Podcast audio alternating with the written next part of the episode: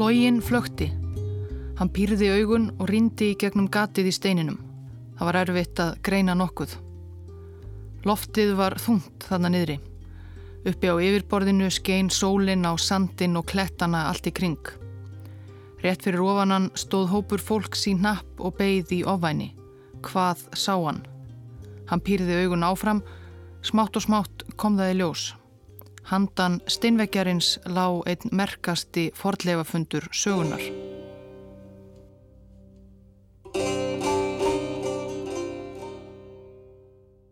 Pilturinn var 17 ára þegar hann fór í fyrsta sinn til Egiptalands. Hann var fættur 1874 í Lundunum. Fadir hans var listamæður, teiknaði fyrir dagblöð og málaði portréttmyndir og kendi yngsta sinni sínum honum Hávard til verka. Og Hávard var efnilegur. Kanski eins gott því bóknámsferill pilsins var það ekki glæstur. Hann var helsulítill frá unga aldri og var til áttinn dvelja lungum stundum hjá ættingum í smábænum Svaffam í Norfolk í austur Englandi. Reynd sveitaloftið hliti að gera honum gott.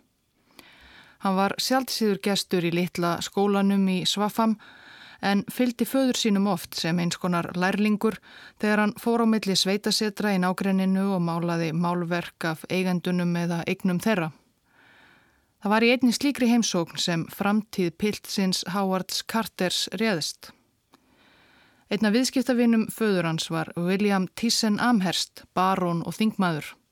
Hann átti setur rétt suður af Svafam og hann var forfallin sapnari, sapnaði bókum, handritum og fornmunum og ekki síst hafði hann áhuga á fornsögu Egiptalands og sveitasetrinu í Norfolk gemdi hann það sem þá var eitt stærsta sapn egipskra fornmuna í engaegu.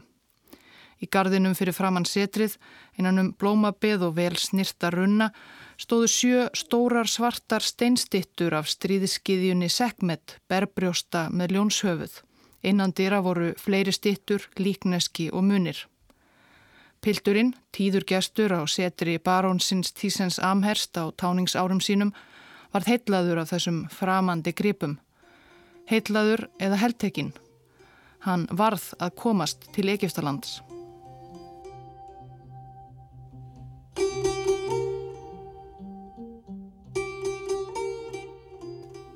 Barónin og fjölskylda hans höfðu góð tengsl þar siðra meðal fordlefafræðingarna og ævintýramannana sem voru einmitt þá að vinna því að koma fleiri álíka gripum úr jörðu. Það var alltaf þörfa á góðum teiknurum til að rissa upp það sem fannst. Árið 1891 fekk Howard Carter stöðu sem lærlingur við uppgröft grafísa í Beni Hassen í miðju Egiptalandi. Hann var 17 ára.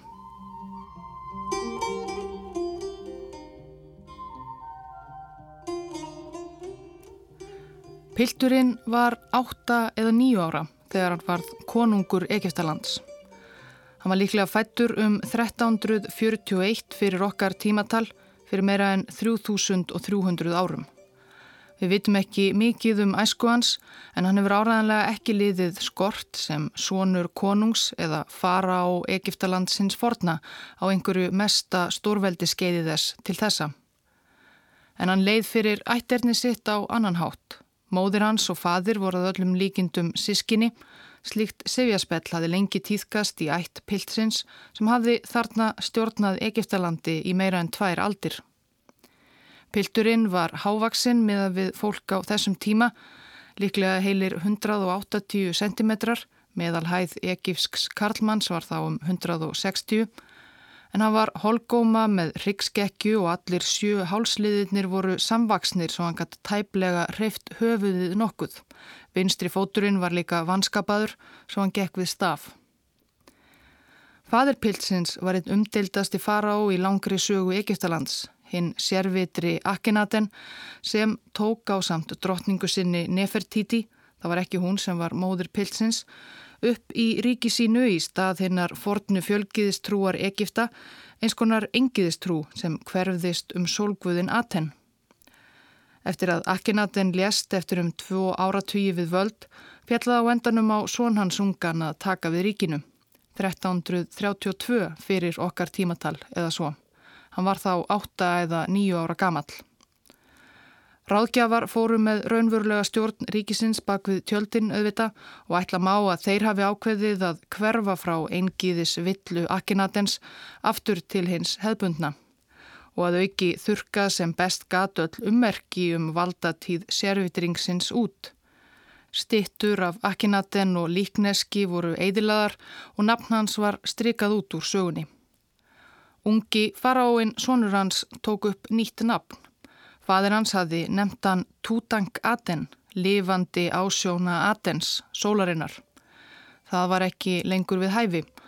Svo að drengurinn var nefndur eftir gamla höfuð guð konungsættarinnar, Amon, dreng faráinn Tutank Amon.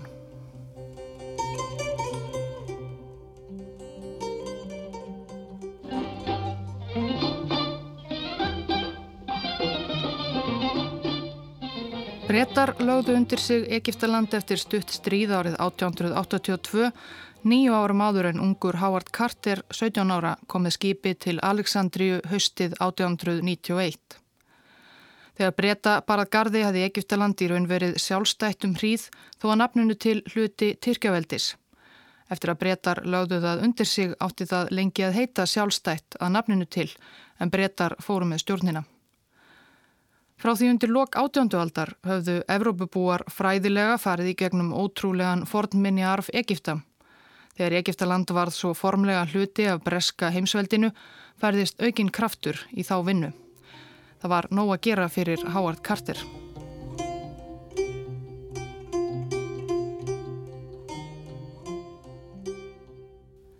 Um það byl um það leiti sem dreng fara á en Tutankamon settist á valdastól, það er þegar hann var um 8 eða 9 ára gamal, giftist hann hálfsistur sinni, Ankesen Amon.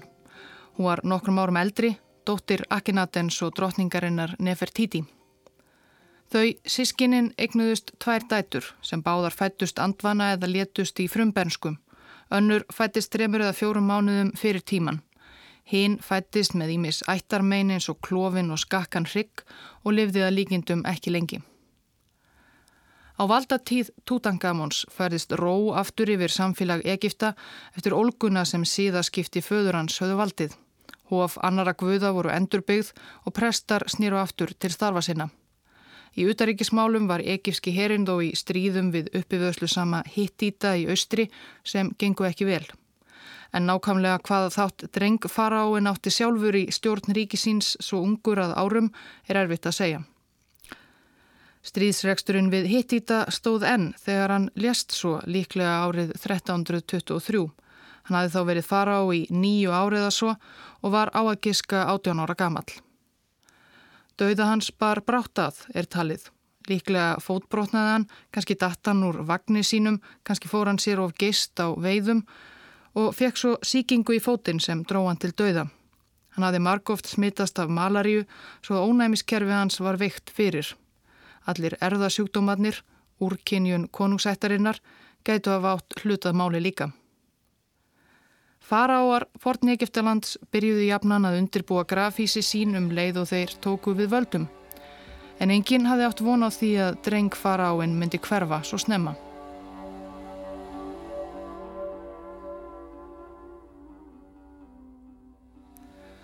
Ungi teiknarin Howard Carter plumaði sig vel innan um grafir og líkneski í Egiptalandi. Hann var tæknilega mjög fær, miklu flinkari við að draga upp myndir og áletranir á veggjum grafísanna í Beni Hassan en aðrir sem störfuðu við uppgröftin.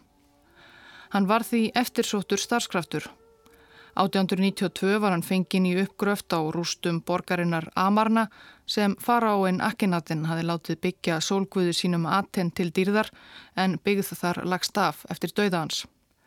Næstu ár eftir það vann Carter með svisnenskum forlega fræðingi að því að teikna upp vegmyndirnar í hofi Kvenn faraósins Hatshepsut. Meðfram teikningunni lærði hann til verka sem forlega fræðingur og var fljótt farin að taka þátt í sjálfum uppgrefturinnum. Hann reyndist álíka vandvirkur á því sviði. Það vantaði oft meira skipulag í vinnuna, fannst honum. Howard Carter sérhæði sig í því að kortleggja fordleifasvæði nákvæmlega og skiptaði niður með eins konar rúðunetti. Svo fór hann í gegnum hverja rúðu, eina af annari og leitaði af sér allan grunn. Árið 1899 var hróður teiknarnas unga orðin svo mikill að hann, 25 ára, var skipaður yfirmaður hjá ekifsku forleifastofnuninni. Sem slíkur skipulaði hann og fór fyrir mörgum merkum uppgröftum í og við Þepu hinn að fornu höfuborg sem var þar sem nú er Luxor á Nílarbökkum. En svo voru það nokkrir fullir franskir ferðamenn sem bundu enda á ferilinn.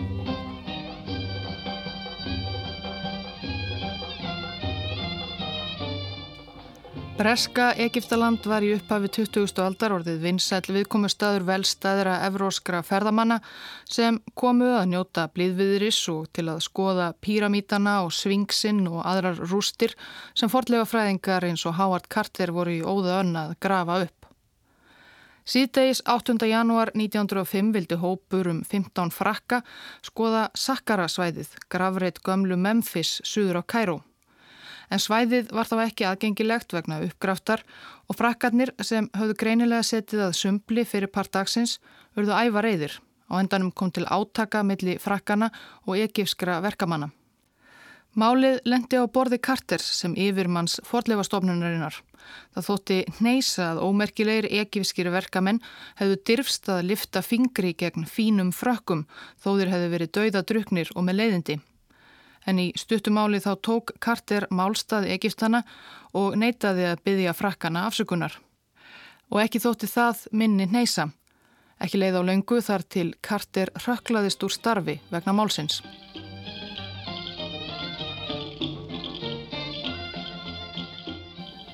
Bretin George Herbert bar titilinn 50 jarlinn af Karnarvon og var auðugur maður.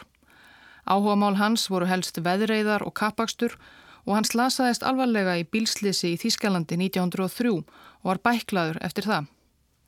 Það var þess vegna sem hann flutti frá ættaróðalinu í Suður Englandi, Highclere kastala.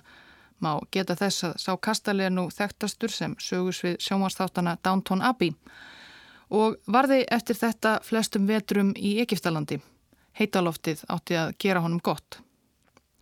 Og þar smitaðist Jarlinn af öðru áhugamáli menningu og minnjum hins forna Egiptalands. Forlefa uppgröftur í Egiptalandi á þessum árum var ákveðið vilt vestur. Ímsir áhuga menn stunduðu uppgröft án mikillar yfirsjónar og það sem kom upp úr krafsinu var svo auðvitað yðurlega selt úr landi. En til þess að grafa þurfti mannabla og fjármagn og því voru áhuga samir auðmenn bak við marga forlefa leiðangra. Um 1907 ákvað Karnarvon Jarl að gerast slíkur styrþaraðili. Hann leitaði álits kunnugra um hvaða fordleifafræðing hann gæti fengið til liðs við sig. Það vildi svo til að eitt færasti fordleifafræðingur í Egiptalandi hafi þá einmitt verið verklaus í tvö ár. Í raun á eigðimerkur gungu eftir að hann misti vinnuna vegna vesens í druknum frönskum túristum. Og þannig urðu þeir teimi Karnarvon Jarl og Howard Carter.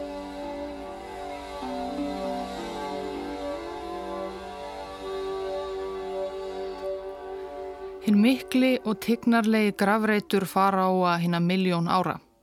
Það var það sem Egiptarnir kölluðu skraufþurran dalinn í fjallendi við vesturbakka Nílar, hínum eigin við borgina Þepu og það var þar sem þeir lögðu konunga sína og fyrirmenni til grefturunar öldum saman.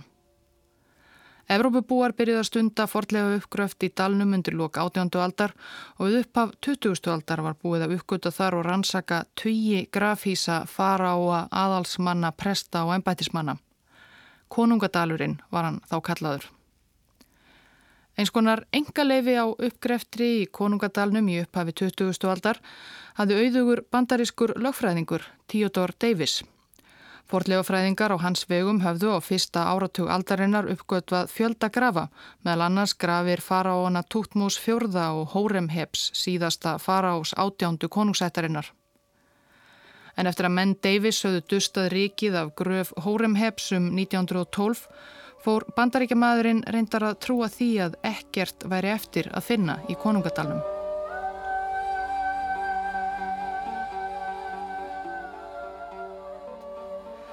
En Howard Carter var ekki á sama máli. Með bakkjarli sínum Karnarvon Jarlí hafði hann þá stundað uppgröft hér og þar um Egiptaland og uppgötuð ímislegt. En einmitt þegar Theodore Davis lísti því yfir að konungadalurinn var í uppþornaður hafði Carter fengið áhuga á nokkrum gripum sem útsendarar Davis höfðu grafið upp nokkru áður.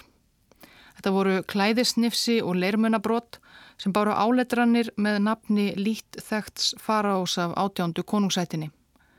Tutangamon, sonur Akhenaten sinns allræmda sem hafi sest á valdastól Korn Ungur og dáið á táningsaldri nokkrum árum síðar. Það var lítið um hann vitað og heimildir fáar. Þrátt fyrir að Tutankamon hafi dreyið serviskulega engiðistrú föður síns tilbaka, galt hann eftir dauðasinn fyrir faderni sitt og hafi víða verið strikaður út úr sögunni líka. Gröfans hafi aldrei fundist, bara þessi brot og snifsi. Kanski hafi gröfin sum leiðis verið eigðilögð fyrr eða síðar, annarkvort af ásettur ráði til að þurka hann út eða verið svo rækilega rænt og ruppluð af gravaræningum. Allavega taldi Davis ekki að hana væri að finna í konungadalnum, nýja nokkuð annað sem var einhvers virði. Árið 1914 gaf hann því engaleifi sitt í dalnum upp á bátinn og Howard Carter og velgjörðamæður hans Karnarvon Jarl tóku við því með gleði.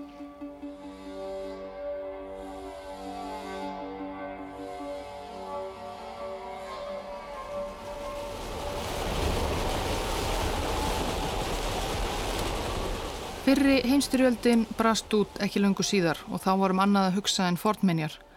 Carter var áfram í Egiptalandi öll stríðsárin og tólkaði fyrir breska herin. Hann hefði búið í landinu í tvo áratugi og talaði arabísku. En leitt hans í konungadalunum gæti ekki hafist fyrir alvöru fyrir undir lok stríðsins í áslokk 1917. En þá hófst hann rækilega handa og leitaði stanslust með liði egifskra verkamanna og rúðukerfinu sem hann hafi þróað áður. Hann kortlaði þannig hvern fermetra af skraufþurum sandi og sandsteinsklettum, landslag allsett örum, skurðum síðan úr fyrri forlefa leiðangrum. En hann fann ekkert. Ekki veturinn 1918, ekki veturinn 1919, ekki veturinn 1920, ekki veturinn 1921. Ekkert. Þá var Karnarvon Jarl búin að missa trúna á kartir. Hann neytaði að borga fyrir næsta vetur fyrst ekkert fyndist í dalnum.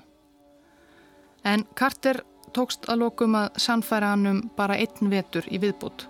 Að lókum létt Jarlinn undan einn vetur í viðbót.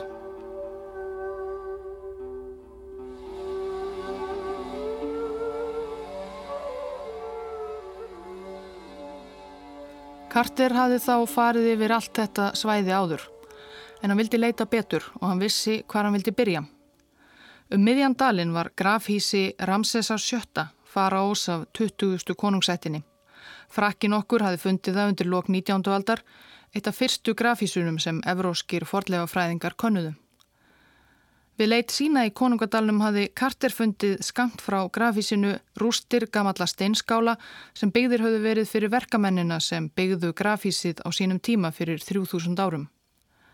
Carter og menn hans voru rétt að byrja að koma sér fyrir í upphafi leitartímabilsins í november byrjun 1922 þegar innlendum vassburðardreng skrikaði fót í sandinum um eitthvað sem virtist vera úthögg við steinþrepp undir rústum þessara fátæklegu skála sem hafðu hýst verkamenn við grafísasmíði til forna. Þetta var 4. november 1922. Carter skrifaði í dagbók sína Loksins höfum við fundið eitthvað. Steinþrepp sem leindist undir því sem eftir er af verkamannaskálanum. Ég veit ekki hvert þreppi leiðir en ég vona að ég komist að því vonbráðar. Tveimur dögum síðar voru Carter og menn hans búinir að grafa upp tólf þrepp sem lágu niður að dyrum sem lokaðar voru með spóruskulega steininsiklum. Engi merki voru á dyrunum um hvað eða hver lægi bakvið þær en svo íburðar mikil voru innsiklin að það hlautað vera einhver merkileg persóna. Og það að dyrnar væru enn innsiklaðar var magnað. Lang flestar aðalsmanna grafir í dalnum höfðu verið opnaðar og rændar öldum eða árþúsundum áður. Þessi virtist ekki hafa verið hreyfð. Carter fór ekki lengra. Hann skipaði mönnum sínum að hilja þrepin niður að dyrunum. Loksins höfum við gert magnaða uppgötun í dalnum stopp. Mikil fengleg gröf, innsikluð, stopp. Huldum hana nýju fyrir komuðina, stopp. Til hamingu, stopp. Byðin hefur eflaust verið erfið fyrir Carter. Þarna undir sandinum handan innsiklana beigðans eitthvað magnað. En hann beigð einhverða síður í þrjár vikur með að kannada þar til Karnavón Jarl kom loks á staðin frá Englandi með dóttur sinni 2003. november.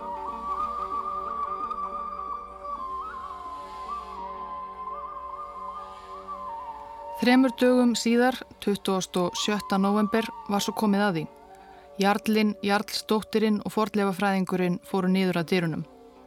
Þau vissu orðið nokkuðum hvað var í vændum, því verkamenn Carters höfðu hreinsað alla steina, sand og drasl frá dyrunum og í ljósaði komið áleiturun með nafni eiganda grafísisins, Tutankamon, dreng faráinn sem Carter hafi leitað að.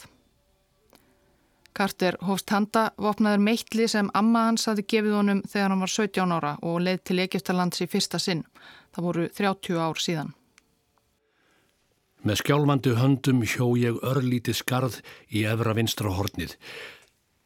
Í fyrstu sá ég ekki neitt, login flökti í heitu loftinu sem lag út úr klefanum, en sem augum mín vöndust myrkrinu byrtu smá saman út úr móðunni skrítnar skeppnur, stittur og gull hvarvetna glitti í gull. Í andartak, það hlýtur að hafa virst heil eilíð fyrir þau sem stóðu hjá, var ég orðlus. Og þegar Karnarvon Jarl þóld ekki spennuna lengur og spurði, sérð eitthvað? Voru einu orðin sem ég gæti komið út úr mér? Já, magnaða hluti. Can you see anything? Yes. Wonderful things. Það er erfitt að lýsa tilfinningum okkar og undrun þegar í ljós kom heilt sapn fjársjóða. Tvö undarleg, kolsvört konungsilíkneski, gullslegin með stafi og sprota, gildir bekkir, óvinnilegir í lögun, með höfuðu ljóna og skrimsla.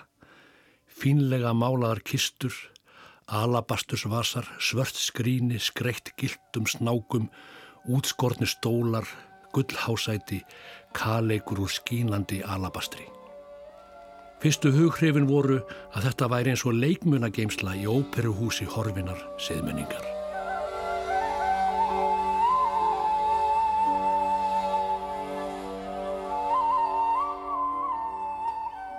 –29. november var grafhísið opnað formlega.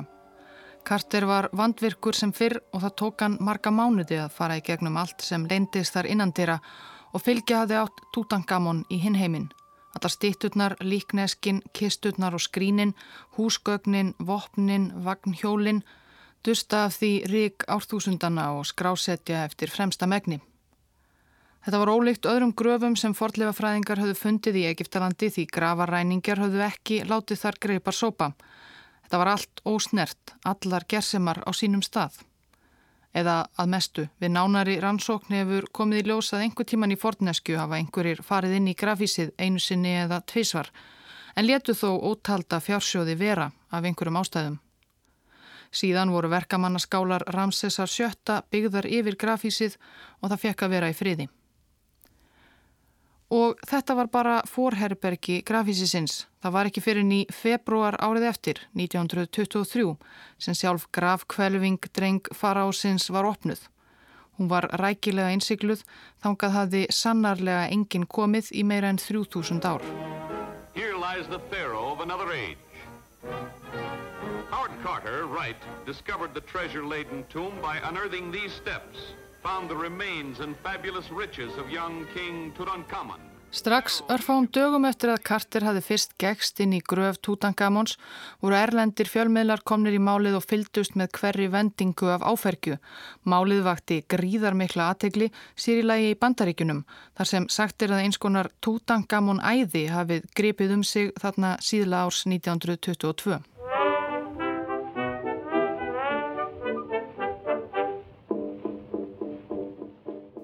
Glettileg danslög voru samin um Tút Kong eins og hann var kallaður Vestanhafs. Einhvers konar egífsk mótíf vurðu vinsæla á skartgripum og í tísku, egífskar innréttingar sömur leiðis, ásjóna drengfarásins var notuð til að auglýsa allt frá elspítum til ávaksta og svo framvegis. 3000 years ago in history we know King Tutankhamun ruled a mighty land He ruled for many years, mid laughter, song and tears. He made a record that will always stand. Það kynnti ennundir Egipt og Maníuna þegar í februar 1923 Carter og félagar voru loks reyðubúnir að fara inn í sjálfa grafkvölvingu drengfara ásins. Heyrum Carter sjálfan lýsa upplifun sinni.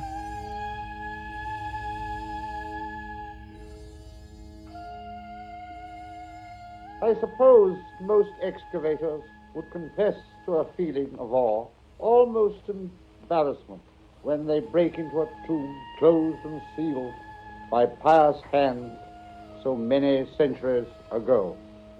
Ætli flestir myndi ekki játa að fyllast óttablandinni lotningu svo jæðrar við skömm þegar þeir brjótast inn í gröf sem hefur verið innsikluð með guðhrættum höndum fyrir svo mörgum öldum.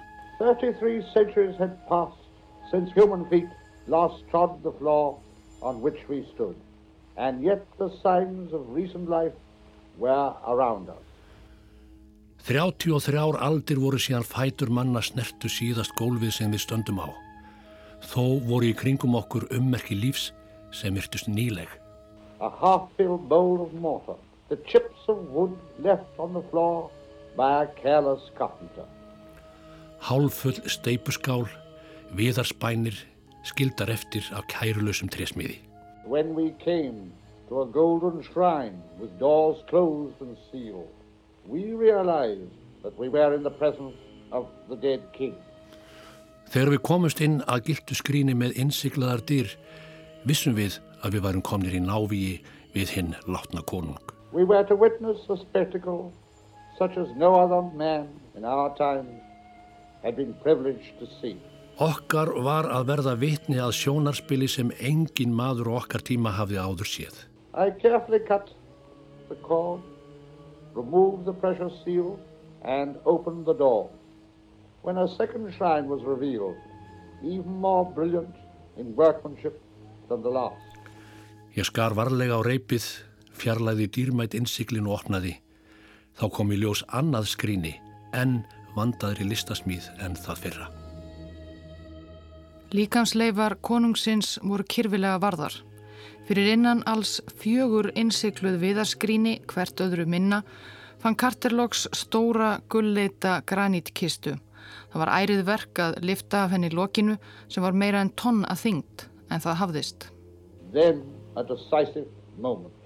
None of us but felt the solemnity of the occasion. In a dead silence, the huge lid was raised from its bed. Light shone into the sarcophagus. A gasp of wonderment escaped our lips. So gorgeous was the sight that met our eyes. Hver og einn af oss fann djúft fyrir hátileika þessara stundar. Í gravar þögn var lokinu lift upp. Ljós skein inn í kistuna. Við tókum andkaufa frifningu. Svo fögur var svo sjón sem beð okkar. Inni í steinkistunni var sjálf líkkista Tutankamons, dýrðlega gullslegin og skreitt bláu og rauðu, kistan sem enn í dag er frægasta tákn faraósins unga og í rauninn þekktasta tákn árþúsunda gamallar menningar Egiptalands. Raunar var það bara svo ista af þremur kistum utanum sjálfa múmíuna. Er tværi ytri úr gullskreittum við en svo einsta úr skýra gulli, 110 kíló og skreitt eðalsteinum. Laid on that golden outer lid was a tiny wreath of flowers, as it pleased us to think the last farewell offering of the widowed girl queen to her husband. Á þessu gilda ytra kistuloki var lítill blómsvegur, síðasta gjöfin eins og okkur þoknaðist að halda, frá barnungri ekkjudrottningunni til eiginmannsins. Among all that regal splendor, everywhere the glint of gold, there was nothing so beautiful as those few withered flowers. They told us what a short period 3,300 years really was.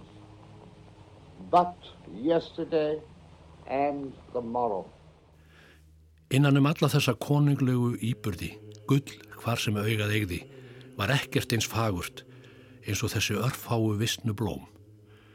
Þau sögðu okkur hver skammur tími árin 3300 voru í raun, bara eins og í gær og á morgun.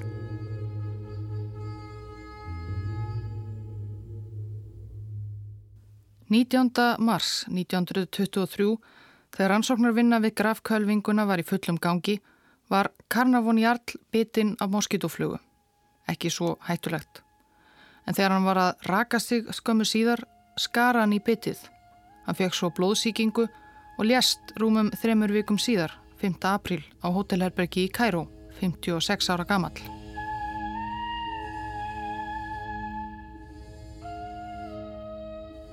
Sviplegur dauði Jarlsins vakti aðtikli fjölmiðla á Vesturlöndum sem enn fyldust grant með gangi mála. Á kreik fór orðrómur um að bölfun kvildi á gröfum gömlu faráana og með því að rjúfa innsiklinn að grafkvelvingu Tutankamons hefði Karnavon Jarl fengið að kenna á reyði hans.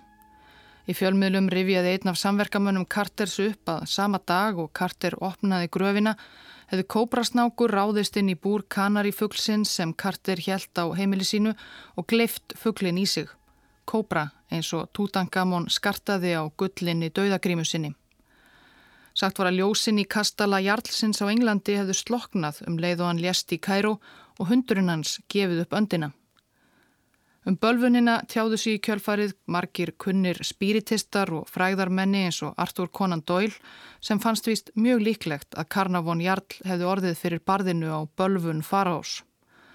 Næstu misseri og ár og jáfnvel ára tugi voru fjálmiðlar duglegir að týna til dularfulla döðdaga einhverja sem mögulega höfðu unnið með kartir að opnun gravar Tutankamons eða höfðu skoðað hana skömmu síðar eða þeir fóru að seilast lengra og taka til ættinga fólks sem hafi verið nálagt gröf Tutankamons og þarfram eftir gödunum. Langflestir sem tóku þátt í uppgreftrinum á grafísinu í raun og veru lifðu þó lengi enn.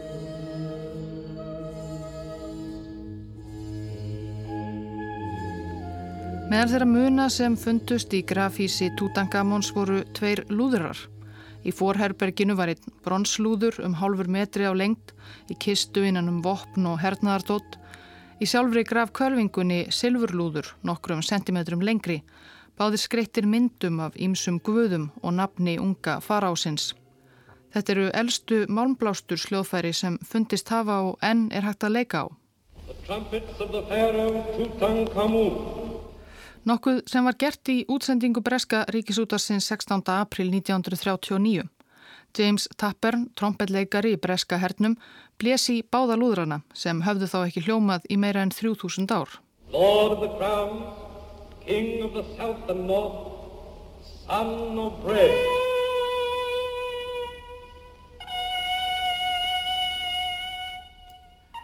Silfurlúðurinn fyrst.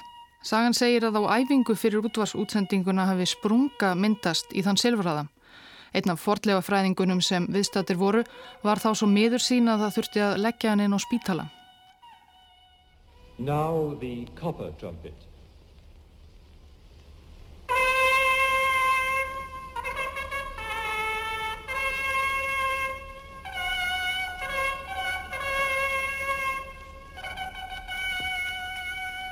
Lúðratnir þykja svo brotættir að á þá er ekki lengur spilað í dag. Og þó, þeir eru geimdir á ekifska þjóðminnarsafninu í Kæró. Þegar múur reðst inn á safnið í miðri ekifsku byltingunni í ársbyrjun 2011 kvarf bronslúðurinn á samt fleiri sapgripum. En hann fannst nokkrum vikum síðar á samt fleiri æfa fornum munum í svörtum plastboka og bekk í neðanjarðar lestarstöð í Kæró.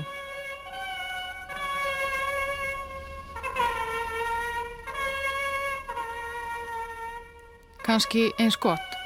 Þegar lúðurinn kvarf sagði umsjónamaður Tutankamon skreipa á ekifska safninu að lúðurinn hefði yfirnáttúrulegan kraft, nefnilega í hvert sinn sem blásiðir í hann bríst út stríð. Svo vildi til að starfsmæður safsins hafi látið fristast að blása í hann skömmu áður en byltingin hófst 2011. Það sama mun hafa gerst fyrir sexdagastríðið 1967, saði safnamaðurinn, og Persaflóastríðið 1991. Þá var það ungur starfsnemi á safninu sem blés í lúðurinn. Ganski rétt, nokkrum mánuðum eftir að útvarsmenn BBC léttu leika á Lúðrana 1939 þá braust sannarlega út stríð í Evrópu.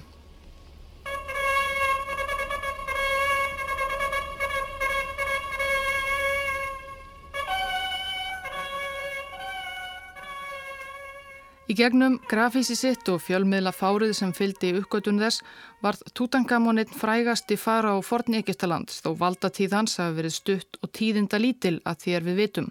Við vitum reyndar ekki mikið. Fræðimenn hafa í gegnum árin sett fram ímsar kenningar um það hvers vegna drengurinn ljast svo ungur. Það er ljóst að dauða hans bar brátt að.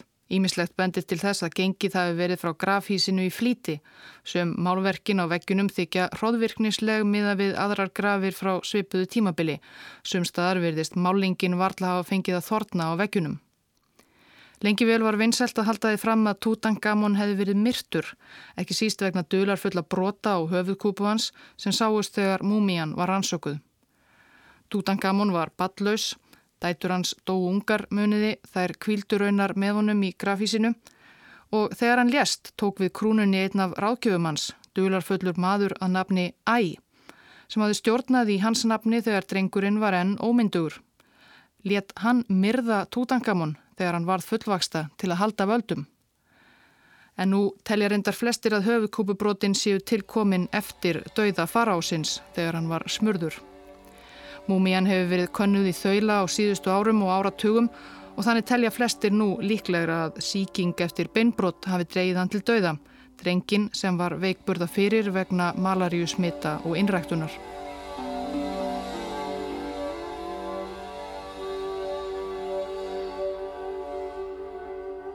Um 5.400 gripir af öllum stærðum og gerðum og verðmæti fundust í grafísi Tutankamons mesti fjársjóður sem fundist hefur í forn ekifskir gröf.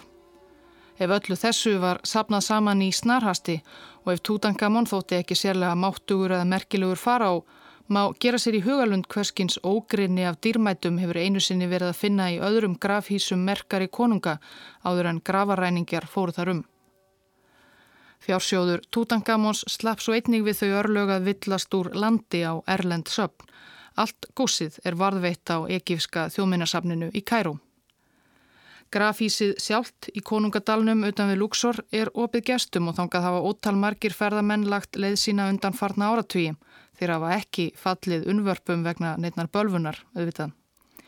Frekar er það á hinvegin, árið 2011 var það loka grafísinu til að vinna gegn rakaskemdum vegna gestafjöldans. En það var opnaða nýju í ársbyrjun 2019 og ánú að geta staðist tímans tönn. Þrátt fyrir allt umrótið þá fær múmia piltsins sem lést 18 eða 19 ára gamall að kvíla áfram í grafísi sínu í Konungadalnum þar sem hann var lagður fyrir 3300 árum. Howard Carter lést annan mars 1939, 64 ára gamall úr krabbamenni.